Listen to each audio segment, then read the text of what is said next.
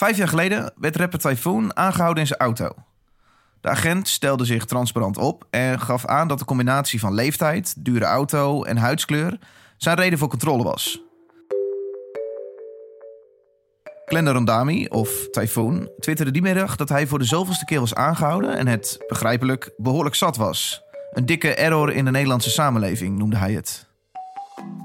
Voor mij was dit het startpunt van nadenken over een dilemma waar ik de oplossing nog steeds niet op gevonden heb. Het dilemma waar je enerzijds een inschatting wil kunnen maken op basis van eerdere ervaringen of cijfers die oververtegenwoordiging onder bepaalde doelgroepen laten zien, maar anderzijds zo min mogelijk mensen wil controleren die onschuldig zijn om ze niet het idee te geven dat ze gewantrouwd worden door de overheid. Zoals de stand van zaken nu is en de jurisprudentie van de Hoge Raad nu zo is, mag de overheid dit soort controles uitoefenen en mogen ze daar bepaalde kenmerken gebruiken, waaronder etniciteit en daardoor ook huidskleur. En dat betekent dat als je jong bent in Nederland en je hebt een donkere huidskleur en je rijdt in een dure auto, dan zal het zo zijn dat je vaker wordt gecontroleerd. Dat, dat is de stand van zaken. Alleen, de juridische stand van zaken is niet in steen gegoten. Dat is eerder een uh, beginpunt dan het eindpunt. Ook bij uitvoeringsorganisaties zien we risico-inschattingen waar vervolgens op gehandeld wordt. We zien het bij UWV, DUO, CBR, natuurlijk de afgelopen jaren bij de Belastingdienst. Mag dat? Kan de afkomst van de een iets zeggen over de intenties van een ander? En waar ligt de grens in factoren die je hierin als overheid mee moet willen nemen? Want op papier heeft iedereen dezelfde rechten. Maar hoe ziet de praktijk eruit? Mijn naam is David Achter en voor het College voor de Rechten van de Mens is dit het vraagstuk. Met deze maand de vraag: wat zijn de dilemma's bij risicoprofilering door de overheid?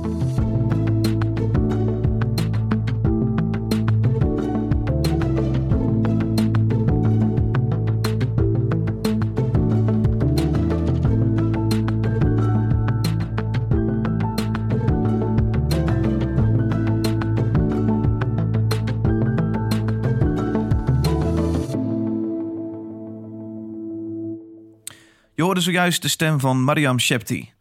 Lid en onderdeel van het tienhoofdig bestuur van het College voor de Rechten van de Mens. Ik behandel heel veel zaken, heel veel klachten op het gebied van discriminatie als het gaat om werkgelegenheid, aanbieden van goederen en diensten in het onderwijs. Om te beginnen ben ik benieuwd wat zo'n risicoprofiel in de basis nou is. Ah, dat is een moeilijke vraag. Want om goed te beantwoorden wat, wat risicoprofilering is, moet je ook een beetje eerst een stap terugnemen en gewoon, wat is profilering? Want het heeft een positieve en het heeft een negatieve zijde. Profilering is eigenlijk dat je gaat kijken, ik ga een dienst aanbieden of ik ga een regel handhaven. En dan wil ik wel, uh, weten uh, welke groep is relevant bij, de, bij het aanbieden van deze dienst of bij het handhaven van, van deze regel. Want heel vaak zal je niet iedereen in beeld moeten brengen om uh, je product bijvoorbeeld op iemand te richten of om uh, te handhaven. Als het gaat om het aanbieden van goederen en diensten, doet tegenwoordig elk bedrijf bijna wel een profilering. Facebook, Amazon, Bol, de Albert Heijn. We hebben allemaal een bonuskaart. Uh, en doordat we die gebruiken, heeft Albert Heijn inzicht in ons uitgavenpatroon en kunnen ze ons aanbiedingen. Daar zijn de bonusaanbiedingen op, uh, op gericht. En die kunnen verschillen van wijk, van, van, van leeftijdsgroep, van alles. En dan worden onze gegevens worden gekoppeld aan onze identiteit. Het is een vorm van gerichte marketing. Dat is de ja. positieve kant. Nou, dan heb je de negatieve kant als het gaat om handhaving. Je, je bent een overheid en je wilt een bepaalde regel handhaven. En dan weet je ook niet iedereen betreft die regel. En ook niet iedereen loopt het risico om die regel te overtreden. En je wilt heel gericht gaan kijken welke groep zal mogelijk deze regel overtreden. En daar wil ik mijn handhavings mechanismes op uh, oprichten. Je maakt een profiel van iemand om een risico-inschatting te maken. Een risicoprofiel. Of ga ik dan te snel? Nee hoor, nee, daar komt het wel op neer. Je maakt een profiel van de mensen waarbij je weet het risico dat die de regels gaan overtreden is ja. uh, groter. Of nou ja, dan uh, wordt daar een, een, een statistische berekening op losgelaten.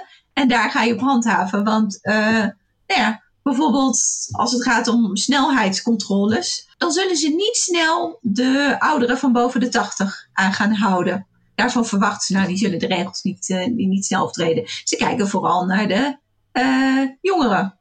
In de snelle auto's. Misschien. In de snelle auto's. En ze zullen misschien ook wat vaker kijken naar mannen dan naar vrouwen. En daar begint al het probleem met risicoprofilering. Want het is op zich, het risicoprofilering zelf is neutraal. Het is nog slecht, nog goed. En ook juridisch is het normaal. Het is best wel logisch dat je gericht wilt gaan handhaven. Alleen bij het invullen van dat profiel beginnen de juridische en de mensenrechtelijke problemen. Want dat profiel is gebaseerd A, op een aantal objectieve statistische gegevens. Je gaat kijken wie heeft in het verleden deze regels overtreden. Maar het is ook deels, uh, deels gebaseerd op aannames van mensen. Zoals ook het idee dat mannen harder rijden dan vrouwen. Misschien logisch klinkend in je hoofd, maar een aanname die we zojuist zomaar zouden kunnen doen op basis van ons onderbuikgevoel.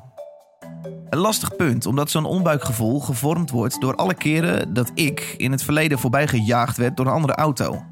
Naar mijn inschatting is dat 95% van de keren een man geweest. Waardoor het construct mannen rijden harder dan vrouwen in mijn hoofd ontstaan is. En zo zijn er ook meer aannames. Bijvoorbeeld dat jongeren uit een, uh, met een migratieachtergrond wat vaker een, risico, uh, wat vaker, uh, een risicogroep vormen. En dat zij vaker de regels zullen overtreden. Aannames die bevestigd worden door het CBS, die laten zien dat de Nederlandse gevangenissen voor bijna 70% bezet worden door mensen met een migratieachtergrond. Al wil je een cijfer als dit niet in stand houden door alleen maar mensen met deze kenmerken te gaan controleren. Op dat moment ben je puur op basis van persoonskenmerken, waar iemand niet zoveel aan kan doen of veranderen, aan het handelen. Oftewel, etnisch profileren. Klopt. Dat is waar alle spanningen beginnen. Dat is ook waar het juridisch ingewikkeld wordt. In beginsel juridisch geldt, iedereen is onschuldig tot het tegendeel is bewezen en totdat ze iets hebben gedaan. En dit maakt dat uh, altijd als je een risicoprofiel gaat maken, je nooit aannames mag doen.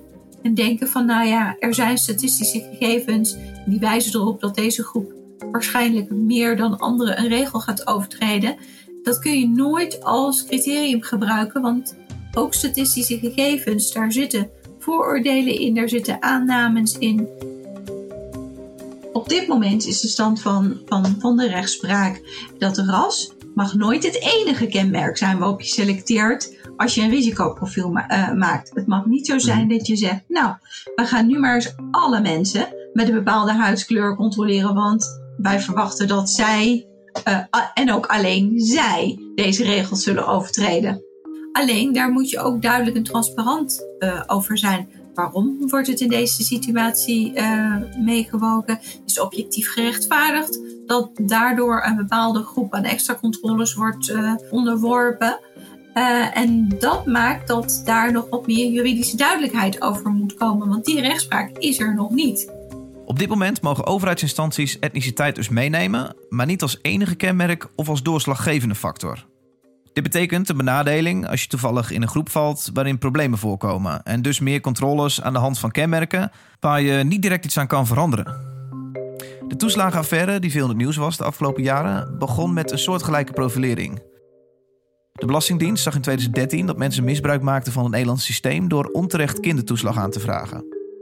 Tegen de tijd dat de dienst erachter kwam en het bedrag terug wilde vorderen, zaten de fraudeurs niet meer in het land. Dit kwam onder andere voor onder bendes die hiervoor Bulgaarse burgers inhuurden. Een reden voor de Belastingdienst om tweede nationaliteiten bij te gaan houden, om extra te gaan controleren en extreem hard op te treden wanneer het systeem een fout vond. Mensen begrepen niet waarom ze extra gecontroleerd werden. Nou, toen bleek dat het vooral uh, ouders met een migratieachtergrond waren die uh, op die manier extra waren gecontroleerd, groepsgewijs. En daar begint ook het probleem. Als wij nou gewoon willekeurig steekproef hadden genomen, dan was er niks aan de hand geweest. Maar groepsgewijs controleren, dat, dat begint al een beetje op etnisch profileren te, te lijken.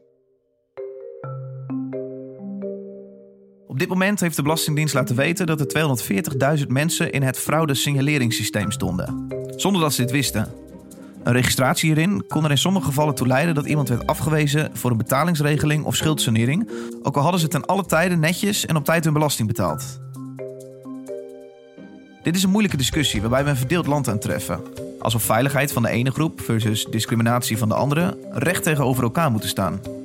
Maar deze discussie overstijgend, denk ik dat in de eerste plaats rechtvaardigheid hier voorop staat. Een individu niet op 1-0 achterstand zetten zonder dat deze hier iets aan kan doen. En die daardoor het gevoel overhouden dat zij uh, tweederangs burgers worden, dat zij gediscrimineerd worden. Uh, en die misschien ook wel voelen dat ze daar juridisch niet voldoende tegen beschermd worden. En dat is een ander juridisch probleem wat ik zelf heel belangrijk vind uh, in dit onderwerp rechtsbescherming. Een ander gevaar dat Mariam ziet is de ondoorzichtigheid van overheidssystemen. Wanneer computers van de overheid bepalen achter wiens naam een rood vlaggetje komt te staan, wordt jouw verdediging of rechtsbescherming een stuk ingewikkelder. Het mag nooit zo zijn dat we dat publieke belang altijd voorop zetten. In dit geval dus veiligheid. Hè? Veiligheid boven alles. En daardoor nemen we maar voor lief dat een groep mensen onevenredig hard getroffen wordt. Dat mag niet. Onevenredig hard treffen van een kleine groep versus de belangen van een grote groep. Een afweging die je misschien per geval zou moeten bekijken en dan alsnog is het bijzonder lastig in te schatten. Iemand die er heel duidelijk over is, is Jair Schalkwijk. Hij is onderdeel van de organisatie Controle Alt Delete. Uh, Controle Alt Delete is een onafhankelijke organisatie die zich inzet tegen etnisch profileren en tegen buitenproportioneel politiegeweld. De, de vraag waar wij ons mee bezighouden is of etniciteit, of etniciteit ook een onderdeel zou moeten zijn van zo'n risicoprofiel. En die vraag beantwoorden we met nee. Ik vraag je hier naar zijn definitie van etnisch profileren als onderdeel van risicoprofilering. Als overwegingen omtrent ras, huidskleur en afkomst onderdeel uitmaken van selectiebeslissingen, van, ja, van het werk dat wetshandhavers doen. Zonder dat daar een objectieve rechtvaardiging voor is. Een objectieve rechtvaardiging. In mijn research in deze aflevering stuitte ik op een artikel met de kop Opnieuw grootschalig misbruik met WW-uitkeringen door Polen.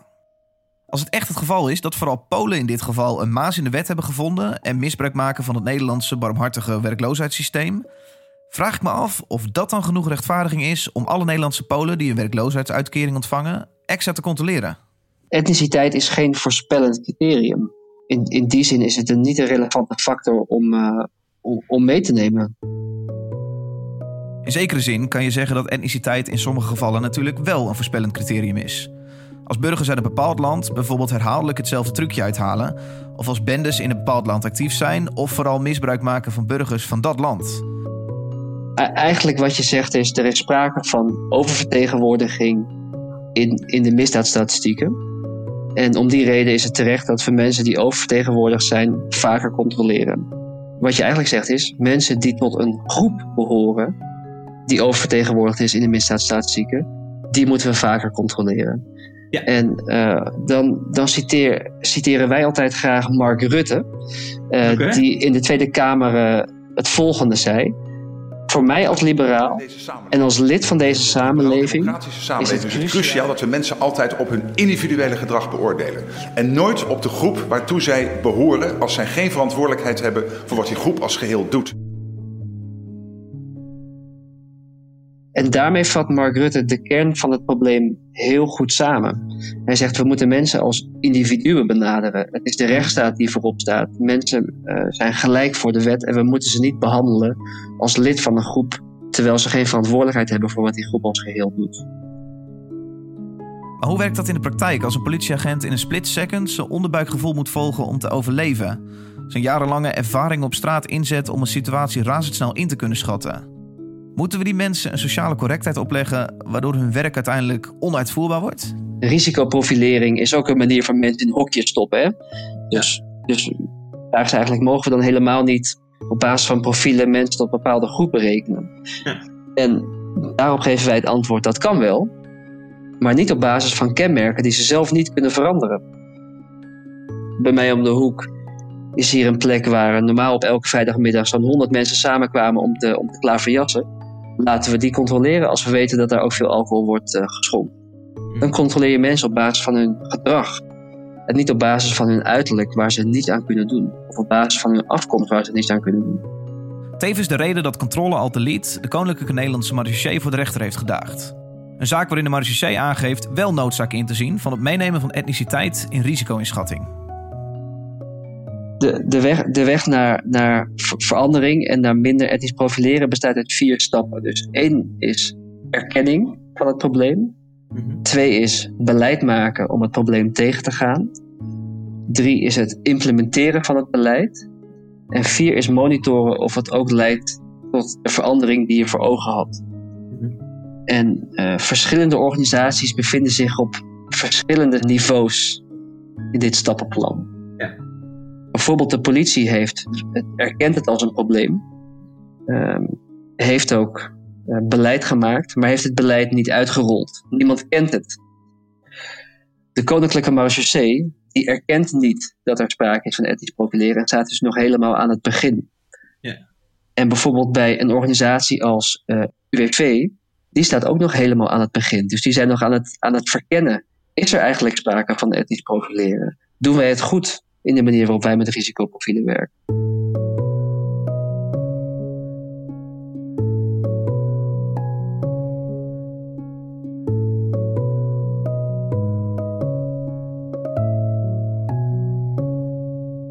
UWV. Een overheidsinstantie die gaat over uitkeringen als de WW, ziektewet, de zwangerschapsuitkering. Maar na de toeslagenaffaire lijkt me dat de schrikken goed in zit bij dit soort clubs, waardoor ik me een beetje afvraag of we iemand van een overheidsinstantie kunnen vinden die hierover wil praten in een podcast. We hebben zo'n 1,3 miljoen klanten en die krijgen netjes van ons iedere maand de uitkering waar ze recht op hebben. Toch vinden we iemand die bereid is om mee te doen. Je hoort Janet Helder, die vanuit het bestuur van UWV mensen aan het werk helpt en wanneer dat niet lukt, zorgt voor vervangend inkomen. Een vrij nobele functie, maar een die ook voor een groot deel bestaat uit het controleren of mensen wel echt recht hebben op die overheidsvoorzieningen. Ik denk dat zo'n 90 tot 95 procent van uh, onze klanten, de burgers überhaupt, zich netjes aan de regels willen houden. Um, er is een klein percentage dat dat niet doet. En uh, dat kleine percentage, daarvan is nog een kleiner percentage. Uh, dat zijn mensen die heel bewust niet alleen regels overtreden, maar gewoon frauderen. Ja. Dat is een kleine groep. Ja. Dat is iets wat we intern ook altijd tegen elkaar moeten zeggen. dat is 1% misschien. Nou, weet je, dat is moeilijk te zeggen, maar het is in ieder geval minder dan 10%. Ja, ja. Dat, dat is best wel veel eigenlijk klinken als je dat zo zegt. Ja, nou ja, ik hou het een beetje ruim vind het interessant om te horen hoe jullie dat. Kijk, je moet op een gegeven moment natuurlijk een inschatting maken van. We hebben een vermoeden dat deze jongen fraude pleegt. Laat ik mezelf even als voorbeeld nemen. Ik, ik, ik, ik, ik vraag de Tozo aan van NOB en ik, uh, ik heb er helemaal geen recht op. Op een of andere manier moeten jullie erachter komen dat ik op dat moment aan het frauderen ben. Uh, hoe werkt zoiets nog even makkelijk gezegd? Ga, denken jullie nou, dit cijfertje in die brief van hem klopt misschien niet. We gaan hem eens even onder de loep leggen. Of hoe gaat het bij jullie? Ja, even heel simpel. WW eh, aanvragen is uh, redelijk digitaal bij ons. Dat is niet zo raar, want op het moment dat ik werkloos word of jij werkloos wordt, dan wil jij niet uh, eh, 15 gesprekken hebben voordat je een uitkering krijgt. Dan wil je dat het snel geregeld is met gegevens die wellicht al bekend zijn bij ons. Je wilt echt laagdrempelig maken. Heel laagdrempelig, heel snel. Uh, want het is waar mensen van moeten leven. Hè? Het is, zijn nu middelen van bestaan. Dus um, uh, uitkeren van de WW, uit, er zitten controles in het proces. Hè. Je gaat controleren of iemand uh, uh, zegt wie die is, wie die zegt niet dat dat die is. Je gaat controleren of iemand inderdaad wel werkloos is geworden. En gelukkig hebben we in Nederland. Dit is standaard per aanvraag. Dat gebeurt standaard. Okay, ja, ja, en dat gaat gewoon, dat is gewoon een van de stappen. Ja. Overigens, wij laten ook altijd mensen die WW-uitkering aanvragen weten wat we van ze weten. Dus dat is vrij simpel. Veel interessanter, eerlijk gezegd, is die periode daarna. Hè? Want onterecht een WW-uitkering aanvragen, ja, dat, dat, dan val je vrij snel door de mand. Okay. Um, omdat al die gegevens bekend zijn. Uh, daarna zijn er natuurlijk wel zaken waarvan je zegt: uh, uh, zit dit in de fraudesfeer of niet? Dat kan zijn dat je wel erbij werkt, maar dat niet opgeeft. Ja. dat kan zijn dat je je uitkering meeneemt naar het buitenland en daar niks over zegt. Mm -hmm. Weet je, dat zijn dingen uh, Hoe die zitten... je dan of ik stiekem niet aan het straat te maken ben op zaterdag? Zwart? Nou, dat, ik zal heel eerlijk zijn, dat is buitengewoon lastig om te checken. Ja. Je, moet, je, moet wel, uh, je moet wel bijna maar een zennetje omdoen bij je erachter komen. Daar ga je niet aan beginnen Gaan als we niet doen. Nee. Gaan we niet doen. Nee. nee. Nee. we hebben wat dat betreft twee, twee lijnen. Um, van oudsher werken we heel uh, sterk met meldingen. Dus een werkgever die zegt: Nou, ik heb iemand in dienst en daar klopt iets niet met uh, het werk dat hij heeft, met de klussen die hij bij doet. Of um, uh, jij uh, komt mij tegen en je denkt: Nou, die mevrouw Helder die doet er allemaal dingen bij die niet mm. kloppen. Ik ga UWV's even bellen. Dat zijn meldingen. We hebben natuurlijk interne meldingen. Dat eh, betekent simpelweg dat onze eigen medewerkers iets zien en denken: Nou, dit is raar. Dit is heel erg raar. Ja. Als voorbeeld: iemand heeft een WW-uitkering en daar hebben we al een half jaar geen contact mee gehad. Nou, dat, dat komt niet veel voor hoor, maar dat. Dat klopt iets niet, denk je dan. En die persoon wordt gebeld, is nooit bereikbaar. Ja. En ehm, op het huisadres, dat huis staat al lang leeg. Nou, dan klopt er. Nee. Ik bedoel, eh, evident. Redenen dat de UWV extra gaat controleren. Al zijn ze zich bewust hoe zo'n extra controle overkomt. Wat we eigenlijk graag willen is dat mensen zo min mogelijk lastiggevallen worden met controles. Hè? Want wil je, de, dat is ook een beetje de, de politieke pendule, hè? dat weet je ook. Het ene periode, 2013 bijvoorbeeld, hè? toen hadden we een periode dat iedereen heel hard riep en de politiek Tweede Kamer voorop. Er wordt veel te weinig gecontroleerd Ja. en iedereen kan maar frauderen en het is een schande en doe er eens wat aan Ja. en wees eens wat harder. En nu zitten we in een andere periode. En heel eerlijk gezegd, daar heb ik ook nog wel wat zorgen over. Want ehm, ik heb natuurlijk het liefst dat die pendule een beetje in het midden hangt. Ja, en ja. dat we niet mensen onnodig. Ja, je wil zo min mogelijk controleren, omdat je mij niet het Exact. idee wil geven als werk, in mijn geval als, eh, als ZZP'er. Eh, we hebben je in de smiezen, je doet van alles fout. Ik ga Exact. meteen lopen en ik ga met minder plezier ondernemen. Exact. Het is een heel veilig voorbeeld, maar Maar het Ja. is wel zo. Ja. Want wat, wat we willen in Nederland is dat jij je ondersteund voelt. Ja. En niet dat jij je eh, gecontroleerd, gemanipuleerd en eh, nou, verdacht gemaakt voelt. Maar we gaan nu af en toe een beetje de kant op van... kijk überhaupt uit met controle en moeten we wel controleren. Die categorie hè, van hoe zorg je nou dat je controleert... zodat jij er het minste last van hebt als ondernemer... dat leidt ertoe dat je handige methoden moet gaan gebruiken. En een handige methode is wat wij noemen een risicoscan. het UWV doet een risicoanalyse om vervolgens een inschatting te maken van de kans dat iemand fraudeert. Een van die elementen van zo'n risicoscan is de duur van het ontvangen van een uitkering. Daarin ontdekte de computer een patroon dat laat zien dat hoe langer iemand een WW-uitkering ontvangt, hoe groter de kans op fraude ook aanwezig is. Exact. Ja. Hadden, we, hadden we zelf niet bedacht. Had ik zelf niet bedacht. Dus ik krijg langere uitkeringen en mijn risico gaat opeens van 4 naar niveau 5. Ik schaal 1 op 10, ik weet het niet. Bijvoorbeeld. Ja, ja. bijvoorbeeld. Er is nog een andere als voorbeeld te noemen. We maken een risicoscan op ehm, ineffectief solliciteren. Ik, ik weet één voorbeeld, dat vertelde een collega me. Die mevrouw, die meneer die had opgeschreven bij eh, waar heeft u gesolliciteerd? Aardbeien. Ja. En bij de tweede, waar heeft u gesolliciteerd? Peren.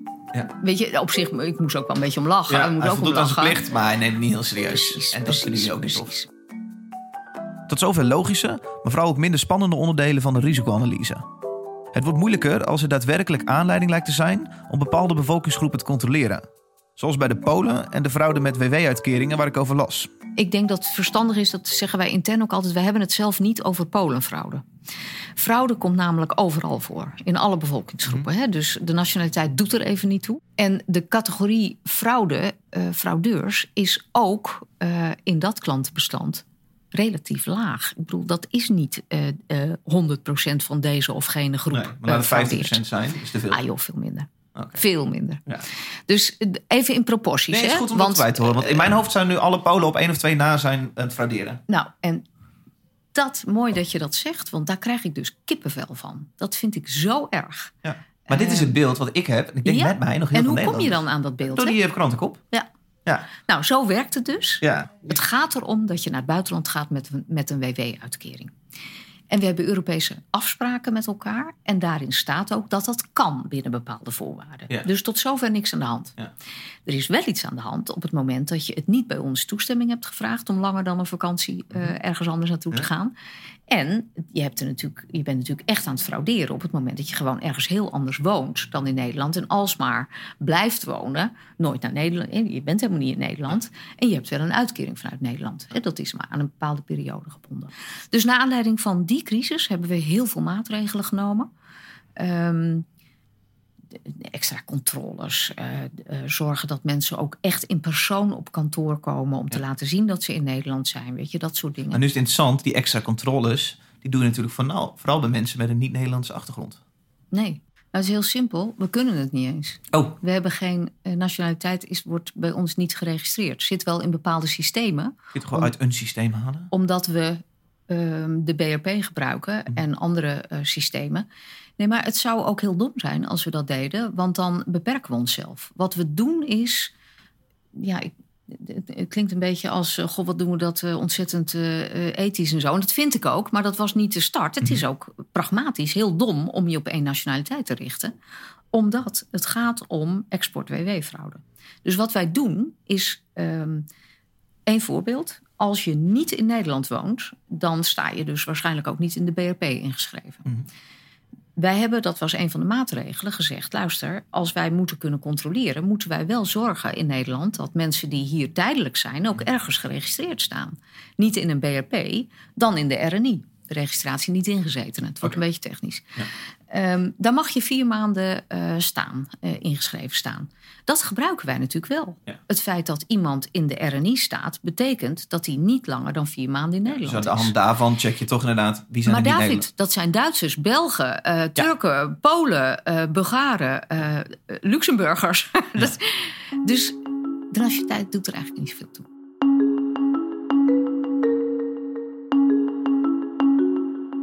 Het UWV is voorzichtig omdat ze niet perikelen van de media als startpunt willen nemen om vervolgens een individu extra te scannen omdat deze tot een verdachte bevolkingsgroep behoort. Is ook een soort zelfbescherming. Op het moment dat je, we kunnen het al helemaal niet registreren, hè, dat bestaat ook helemaal, die registratie bestaat ook helemaal niet. Uh, maar het, het, is zo sterk, um, uh, onze systemen zijn zo sterk gericht op uh, gewoon harde kenmerken en gedragskenmerken in de controlesfeer. Dat dit soort kenmerken, die hebben we gewoon ook ja. simpelweg niet. Dan kan je altijd nog zeggen, ja, maar je hebt natuurlijk wel mensen die um, bijvoorbeeld door een buitenlandse achternaam, een niet-Nederlandse achternaam, dat je kan zien, hè, dat is geen Jans of Pietersen. Ja. Uh, en dan kunnen medewerkers daar best, uh, uh, ja, we zijn ook allemaal mensen, hè, vooroordelen komen overal voor. Dus ook ja. bij onze mensen, ook bij mij, ook bij jou. Uh, het kan best dat dat wel een rol speelt. Dat kan. Dat kan heel goed. Ja. Maar goed, dan hebben we het over iets anders. Namelijk, hoe gaan wij binnen UWV om met elkaar als het gaat om het thema inclusiviteit? Ja, ja. Doen jullie dan dingen als cursussen geven aan uh, medewerkers? Ja. Van kijk, je zou met deze bias te maken... Dit vooroordeel zou je kunnen hebben wanneer je deze achternaam ziet. Handel niet naar dat onderbuikgevoel. Doen jullie dat soort dingen? Ja, ja, ja. Ik geloof er ook heilig in dat er dat wij ons moeten kunnen verantwoorden over alles en overal transparant over moeten kunnen zijn. Ja. Maar als je het nou over dilemma's hebt, zit daar natuurlijk wel een dilemma. Op het moment dat je um, exact gaat uitleggen waar je kunt frauderen, ja, dan, dan dat is wel een beetje ingewikkeld, zou ik maar zeggen. Um, ja. En tegelijkertijd wil je natuurlijk wel heel duidelijk maken, eigenlijk wat ik net ook zei. Um, wij registreren jouw nationaliteit of etnische afkomst of je seksuele voorkeur. Of dat, dat weten wij niet. Dat registreren we niet willen we ook niet weten. Ja. Als jij naar boven komt in een groep uh, die een extra controle krijgt, dan is dat op basis van of de manier waarop je contact met ons onderhoudt, of het feit dat je uh, al jaren niet in Nederland woont, et cetera. Op dit moment zitten we in een fase waar nog veel dilemma is. In veel gevallen hoeven we etniciteit echter niet mee te nemen in risicoprofilering, omdat er ook genoeg gedragskenmerken zijn waarop afgegaan kan worden. Maar in sommige gevallen lijken we er bijna niet onderuit te kunnen. Wat ik mee zou willen geven is transparantie. Op het moment dat je risicoprofielen gebruikt, en dat wordt op grote schaal gebruikt, moet je vooraf toch enig inzicht geven in welke gegevens je gaat gebruiken, hoe je ze gaat geven en hoe men daar bescherming tegen kan hebben. Want dat kan echt littekens opleveren bij mensen. Ja. Nou, dat kun je voorkomen door transparant te zijn. Door als overheid te zeggen: ja, mensen, jullie willen toch allemaal dat wij belastinggeld op een efficiënte manier inzetten en gebruiken, want het is jullie belastinggeld. Nou, fraudebestrijding hoort daarbij. Onderdeel daarvan is risicoprofilering. En dat doen we op deze transparante manier. Jair van Controle Alt Delete gaat verder en probeert met hun stembusakkoord de grootste partijen in de Tweede Kamer zover te krijgen etnische profilering helemaal uit te bannen. Wij hopen inderdaad dat dit veel impact zal hebben op de formatie en op andere beslissingen die op ministeries genomen worden de komende tijd. Ja. Zodat overheidsinstanties etniciteit niet langer gebruiken om fraude te bestrijden.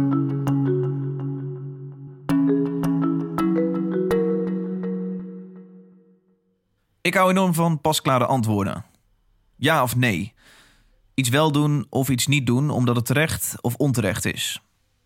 Echter zijn er op dit onderwerp veel dilemma's om mee te wegen. Profilering aan zich lijkt een prima tool om op efficiënte manier te controleren, zolang daar de nodige transparantie over gegeven kan worden. Gevaarlijker wordt het wanneer persoonlijke kenmerken, waar iemand niets aan kan doen of veranderen, meegenomen worden op dit profiel. Huidskleur, afkomst, geslacht, vul maar in. Het gevaar bestaat ook dat dan op grond van onterecht onderbuikgevoel of ophitsende berichtgeving in de media besluiten worden genomen.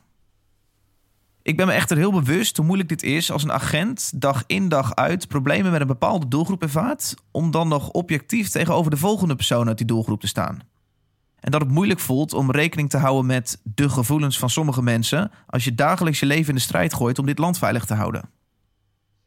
Daartegenover staat dat ik ervan overtuigd ben dat je alles moet willen doen om mensen niet als tweederangs burgers te behandelen. In eerste instantie voor de gemoedstoestand van deze mensen zelf, maar ook omdat een samenleving er geen baat bij heeft dat een groot deel zich genegeerd voelt door de overheid en niet volwaardig deel mag nemen aan de maatschappij. Als het gaat om het vraagstuk van deze maand, wat de dilemma's zijn bij risicoprofilering door de overheid, liggen de dilemma's hier opener dan ooit tevoren. Zelfs met goede intenties liggen er veel gevaren op de loer. Om die reden is het absoluut een noodzaak dat voorzichtigheid is geboden voor persoonskenmerken meegenomen worden in het risicoprofiel. Een goed argument om in de toekomst per overheidsinstantie te gaan oordelen of deze wel echt noodzaak heeft om dit middel in te zetten en welke kenmerken van de persoon dan precies meegenomen mogen worden. En dan nog wil je medewerkers die hier gebruik van moeten maken bewust maken van de risico's rond onterechte vooroordelen. Daarom denk ik dat je heel voorzichtig moet zijn en absoluut een noodzaak moet zien voor je persoonskenmerken meeneemt in het risicoprofiel. En zoals altijd, bij dat soort beslissingen kan je vooral goed oordelen door in gesprek te gaan met de instanties zelf om te ontdekken wat ze nodig hebben. Ik zou het heel mooi vinden als wij in Nederland uh, het tot stand komen van wet en regelgeving veel meer gezamenlijk doen. Politiek, beleid, departementen en de uitvoering. DUO, Belastingdienst, UWV, SVB, uh, CBR. Wij zijn allemaal uitvoeringsorganisaties die het goede willen doen voor burgers. Um, en graag willen dat de wet en regelgeving daar ook een bijdrage aan levert.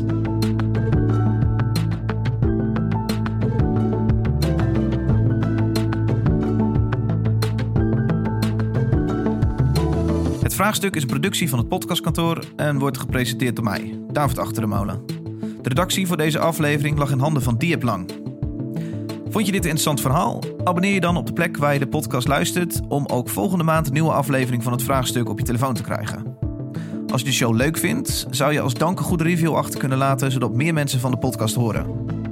Wil je informatie over wat het College voor de Rechten van de Mens naast deze podcast nog meer doet en waarom Nederland überhaupt een instantie zoals deze heeft? Kijk dan op www.mensenrechten.nl. Tot volgende maand, wanneer ik op zoek ga naar een antwoord op een nieuw vraagstuk.